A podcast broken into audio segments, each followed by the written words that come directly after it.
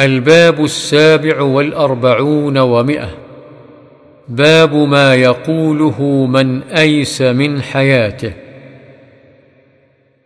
عن عائشة رضي الله عنها قالت سمعت النبي صلى الله عليه وسلم وهو مستند إلي يقول اللهم اغفر لي اللهم اغفر لي.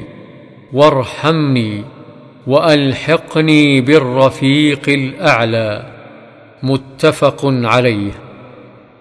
وعنها رضي الله عنها قالت رأيت رسول الله صلى الله عليه وسلم وهو بالموت عنده قدح فيه ماء وهو يدخل يده في القدح ثم يمسح وجهه بالماء.